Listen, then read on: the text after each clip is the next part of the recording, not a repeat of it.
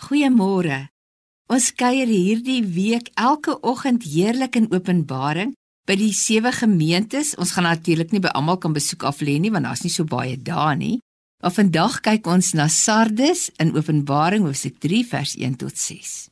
En hier lees ons: Ek ken jou handel en jou wandel. Ek weet ook dat jy daarvoor bekend is dat jy lewe, maar jy is dood. Word wakker. Herstel nog wat oor is, wat op die drempel van die dood is. Jou optrede vind ek nie gepas in die teenwoordigheid van my God nie. Die een wat hier aan die woord is, hou die Heilige Gees en die leraars van die sewe gemeentes in sy hand.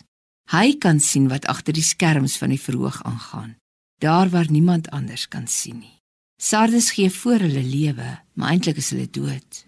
En daarom waarskei in vers 2: Wat julle doen, vind ek nie goed genoeg in die oë van my God nie.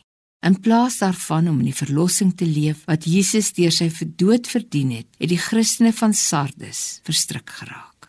Hulle uitsig op die lewende en verheerlikte Christus het verdof. Deur die mistigheid van eie belang het hulle hulle geestelike uitsig verloor. Jy weet, as 'n mens nie uit die oorwinningskrag van Jesus en sy opstanding elke dag leef nie, leef jy eintlik sonder visie. En in vers 2 en 3 maak God dit baie duidelik aan Sardes wat hy wil dat hulle moet doen. Hulle was maar tevrede met middelmatigheid. Entoesiasme het by hulle ontbreek. Laksheid was algemeen in hulle geestelike lewe, maar God sê dit beïndruk hom nie. Die sendingkundige professor David Bosch het gesê: "As 'n mens die woord van die liefdevolle God uitlê, sonder om daardie liefde teenoor ander uit te leef, is dit soos om 'n spyskaart vir 'n klomp hongerlydendes neer te sit sonder die kos.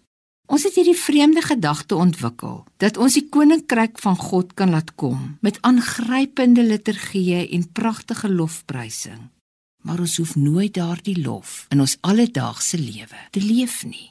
God vra van my en jou om mense te wees wat leef wat ons glo. Kom ons word vandag sommer daardie mens.